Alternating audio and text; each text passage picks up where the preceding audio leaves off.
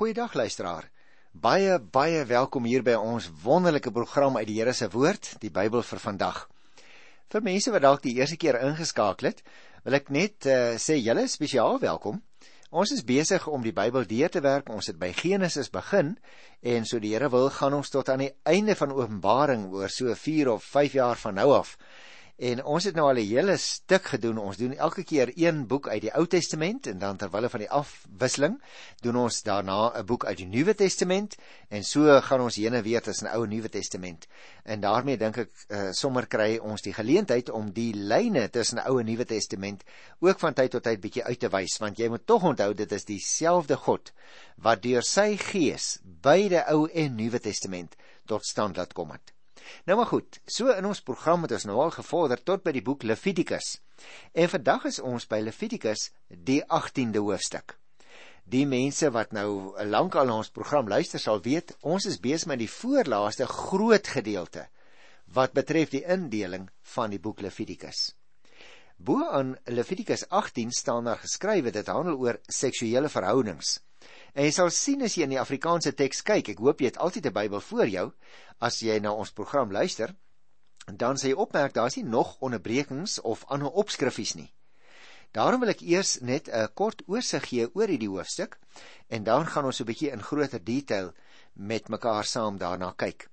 Want jy sien eh, die wette wat ons hier in uh Levitikus 18 kry, gaan oor verbode seksuele verhoudings in hoofsaak. Daar's 'n paar ander goed ook by, maar dis hoofsaaklik waaroor dit gaan.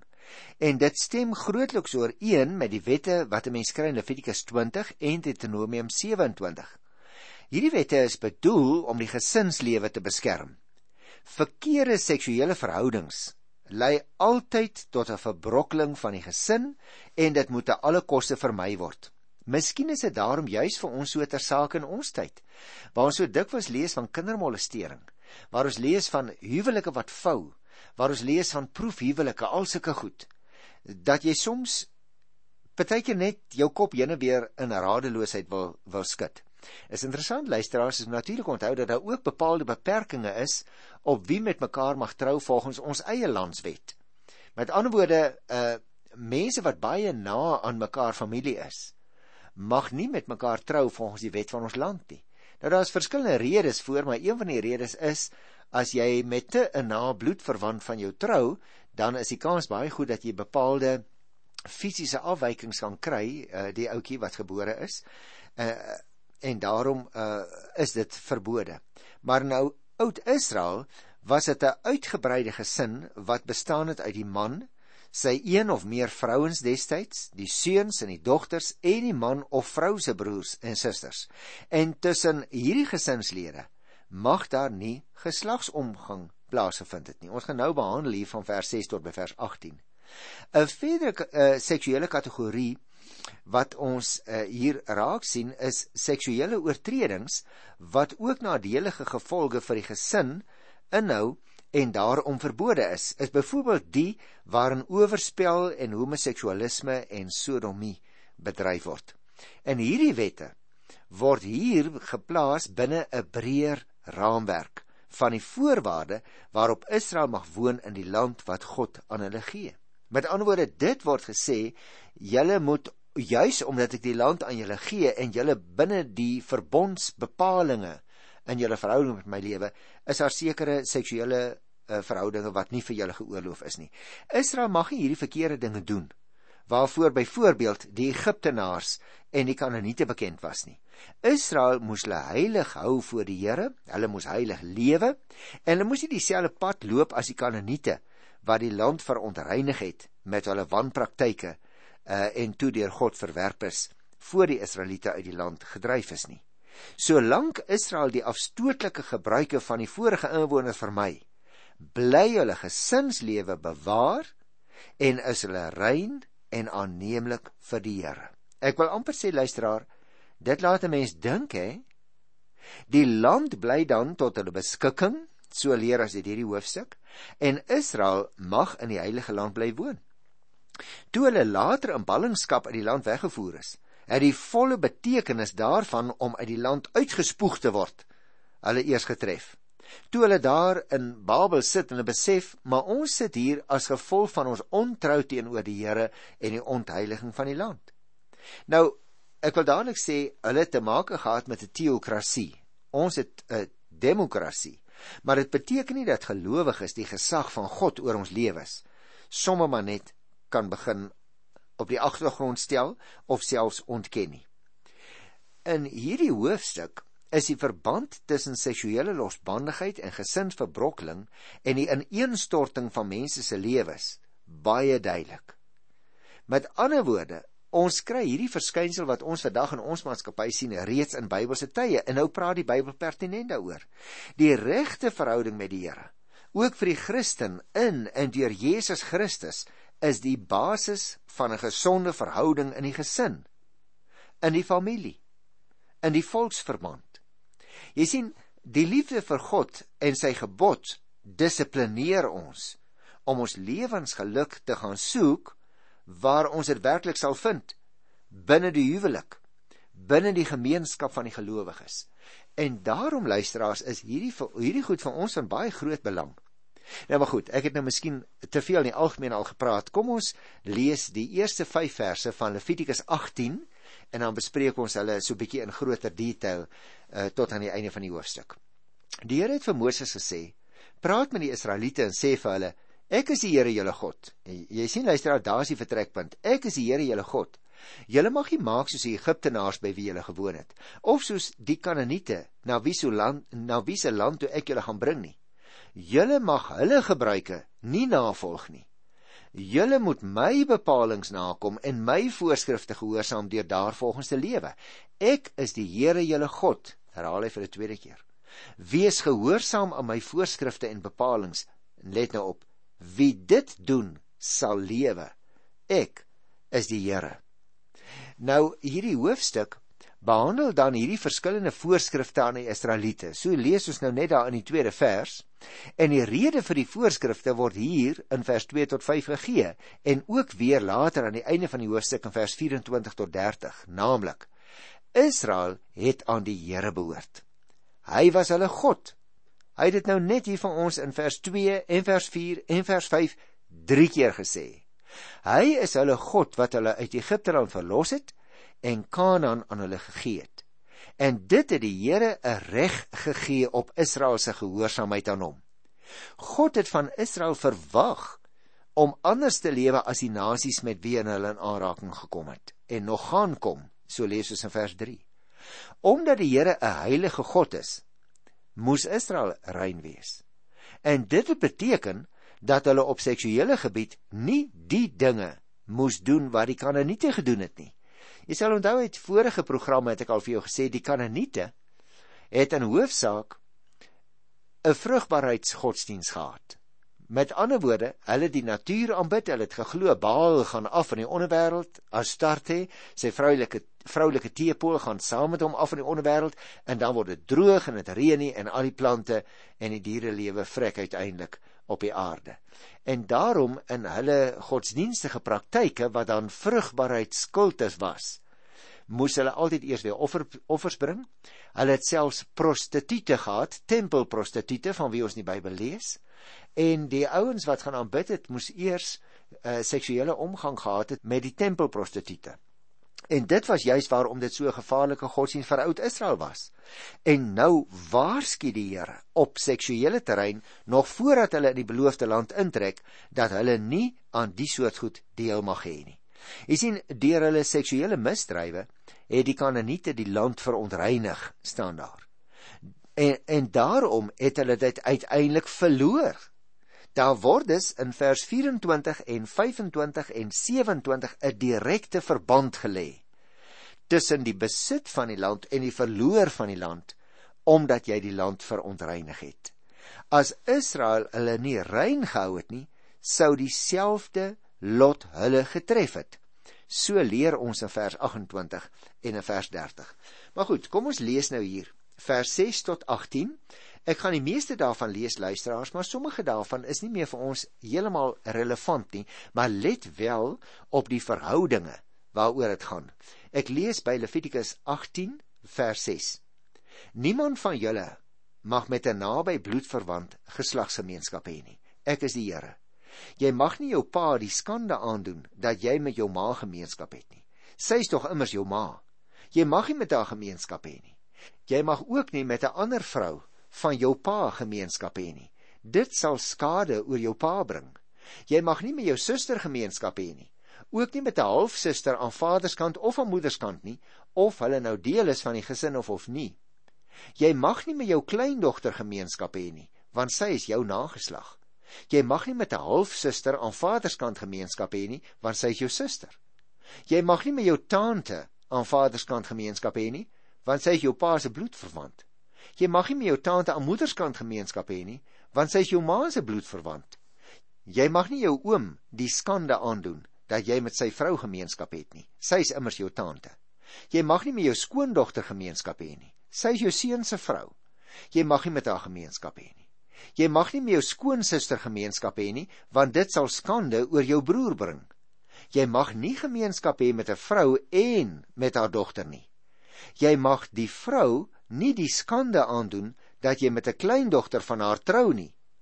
Hulle is haar nageslag en dit sal 'n afstootlike daad wees.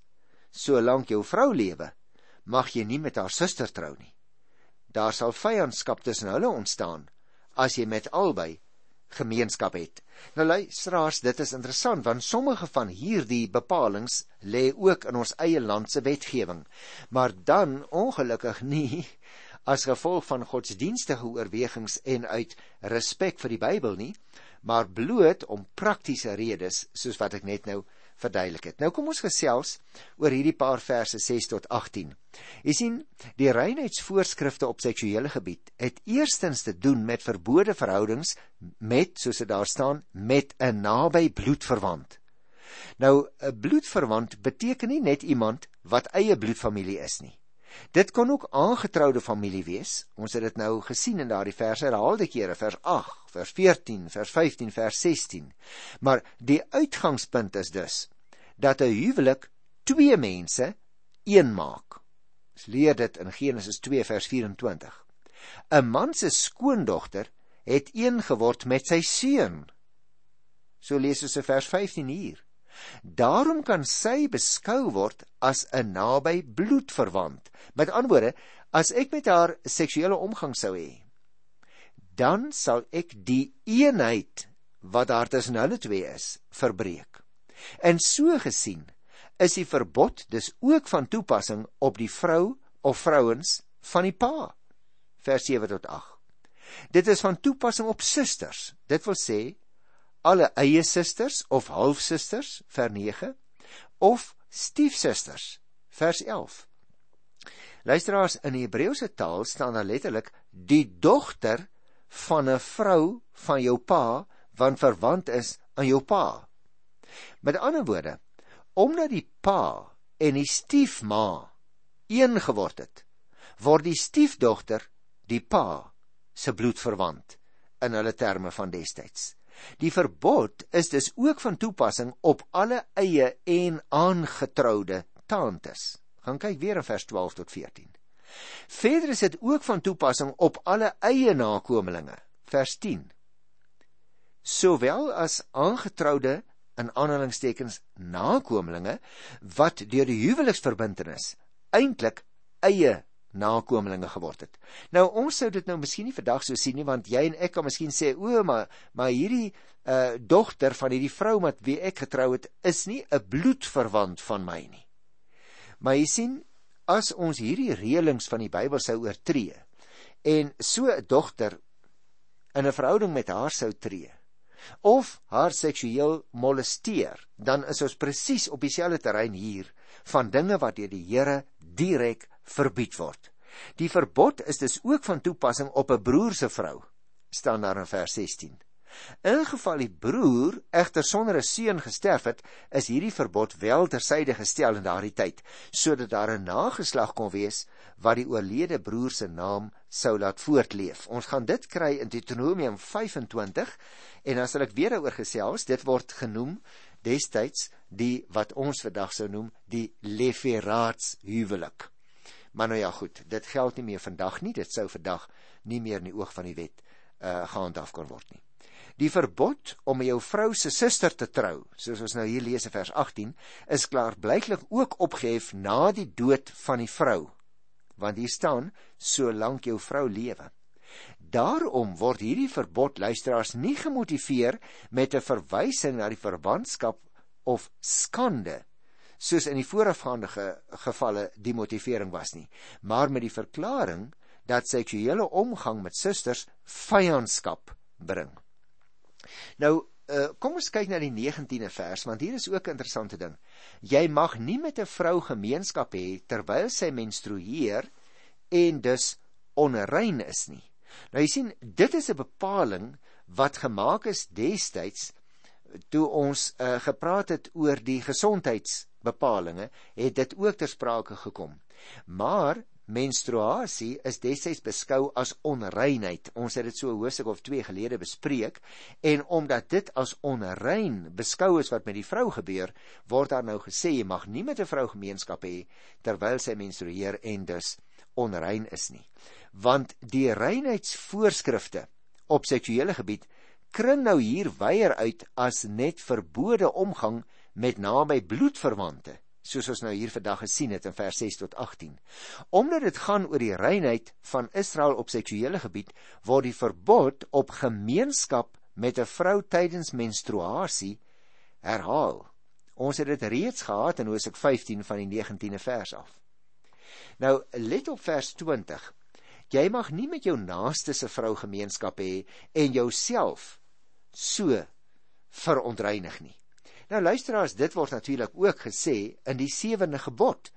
En nou word dit hier herhaal, gemeenskap met die naaste se vrou word ook vanuit die hoek van reinheid verbied.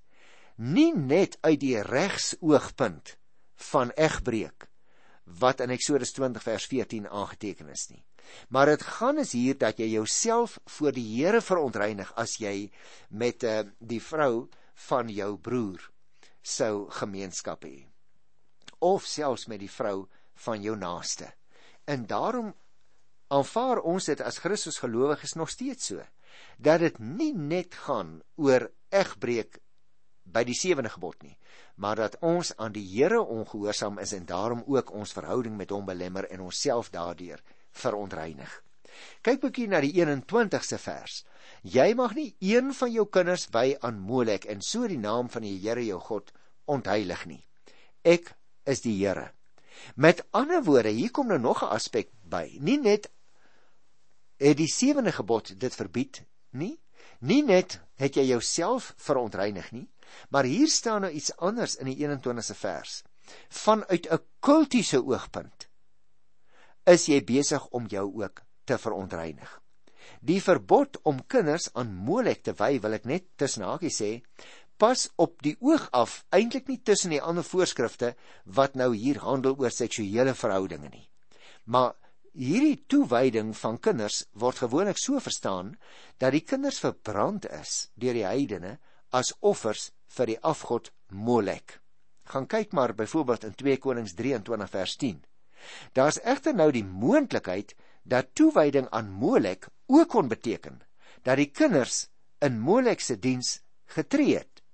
En dit het daarop neergekom dat hulle volgens een van die oudste Joodse geskrifte deur 'n priester tussen twee vure deurgelei is. Met ander woorde, hulle het as dit ware letterlik deur die vuur gegaan en daarna as tempelprostituie van Molek opgelei. Toewyding aan Molek het die naam van God ontheilig. En as God se volk wat vir sy diens afgesonder is, so iets sou doen, sou God 'n slegte naam by die nasies kry. Hy was dan nie meer die unieke, die heilige God uh, uh, aan wie 'n mens 'n totale lewe uh, van toewyding moet hê nie. Want as die Israeliete dit sou doen, sê die Here nou, dan sal sy naam, die Here se naam, ook in die oë van ander mense ontheilig word. Dan het hy gewoon soos die afgode geword. Jy kon hom dien saam met die ander afgode. En daarom luisteraars, is dit so belangrik dat jy en ek sal let op hierdie dinge. Want dit gaan ook daaroor dat ons die naam van ons God onteer voor ander mense as ons losse seksuele verhouding het. Let nou hier op vers 22. jy mag nie 'n homoseksuele verhouding hê nie. Dit is 'n afstootlike sonde. Jy sien, die verbod op 'n homoseksuele verhouding word gemotiveer met die woorde: dit is 'n afstootlike sonde. Die woorde vir afstootlike sonde druk dus die ergste graad van onreinheid in daardie tyd uit. Dit was absoluut ontoelaatbaar vir die volk van God. Ek sal later oor hierdie onderwerp weer praat as ons in die Nuwe Testament kom. Ek gaan dit nou eers hier laat. Kom ons kyk vers 23. Jy mag met geen dier geslagsgemeenskap hê en jouself so besoedel nie. 'n Vrou mag dit ook nie doen nie. Dit is iets afskuweliks. Nou luisteraars, ek dink dieselfde geld vir geslagsgemeenskap staan dit nou hier baie duidelik met 'n die dier. En dit was 'n ontoelaatbare vermenging wat iets afskuweliks was. Dit wil sê, dit het die ergste graad van onreinheid meegebring. En nou die laaste paar verse van die hoofstuk kan 'n mens saamvat. Levitikus 18 vers 24 tot aan die einde. Dis vers 18. Julle moet julle op geen van hierdie maniere verontreinig nie, want dit is wat die heidene gedoen het, wat ek voor julle uit verdryf. Hulle het die land verontreinig en ek het die land daarvoor gestraf sodat hy sy bewoners uitgespoeg het. Julle almal Die gebore Israeliete en die vreemdelinge by julle moet my voorskrifte en bepalinge gehoorsaam. Julle mag geen van die afstootlike dinge doen nie. Jy sien luisteraars, dit gaan uh om 'n totale gemeenskap, 'n geloofsgemeenskap wat aan die Here behoort. En nou sê die Here dat hy aan hierdie geloofsgemeenskap die beloofde land gee. En as hulle hulle aan sulke dinge sou skuldig maak, dan verontreinig hulle die land en daarom gaan hy dit van hulle dan wegneem. Die 27ste versie sê omdat die vorige inwoners hierdie afstootlike dinge gedoen het, is die land verontreinig. En dis hoekom die Here nou die land vir die Israeliete gaan gee. Interessante perspektief, né? Vers 28 sê: As julle die land verontreinig, as julle die land verontreinig, sal hy julle ook uitspoeg soos hy die heidene voor julle uitgespoeg het. Elkeen wat enige van hierdie afstootlike dinge doen, sal van sy volksgenote afgesny word. En let nou op vers 30. Wees gehoorsaam aan wat ek julle beveel. Vermy die afstootlike gebruike van die vorige inwoners en hou julleself rein. En dan sluit hy af met hierdie woorde: Ek is die Here, julle God. Jy sien luisteraar, baie van die dinge wat verbied word in hierdie hoofstuk was toelaatbaar by die heidene nasies. Ons lees byvoorbeeld in ou Egiptiese en Hittitiese en Kanaanitiese geskrifte ook van huwelike tussen 'n halfbroer en 'n halfsuster of van die wyding van kinders aan afgode waarna hier verwys word in vers 21 en van toelaatbare geslagsgemeenskap selfs met diere waarna hier verwys word in vers 23 by die aardsvaders het sommige van die misdrywe wat in hierdie perikoop verbied word ook voorgekom. Onthou jy nog uh Genesis 20 vers 11 en 12. As jy dit hier vergelyk met vers 9 wat handel oor gemeenskap met 'n halfsuster. Ons het dit daar al teë gekry. Of as jy hier vers 18 uh wat handel uh oor die verhouding met jou vrou uh dat jy dan nie mag trou met haar suster nie. Dit het ons ook al gekry in Genesis 29, né? Daar by die Farao en Abraham se vrou wat ou Abraham sommer maar net wou deel. En die Here het gesê dit kan nie. En hier herhaal hy dit. Vir die volk Israel wat deur God uit Egipte verlos is, was dit egter verbode omdat hulle onrein en daarom ongeskik vir die diens van God sou raak as hulle hulle met hierdie goed besig hou as almal hulle so sou verontreinig het ons gelees, sou God hulle uit die land verdryf. Luisteraar kyk weer na vers 24 tot 28, want ek dink dit sê vir ons iets in ons eie situasie ook. En as enkelinge dit sou doen, dan sou God diegene afsny van hulle volkslewe. Kyk gerus weer in vers 29. Dit roep vir jou en vir my wat in 'n vreemde tyd lewe wat hierdie dinge betref.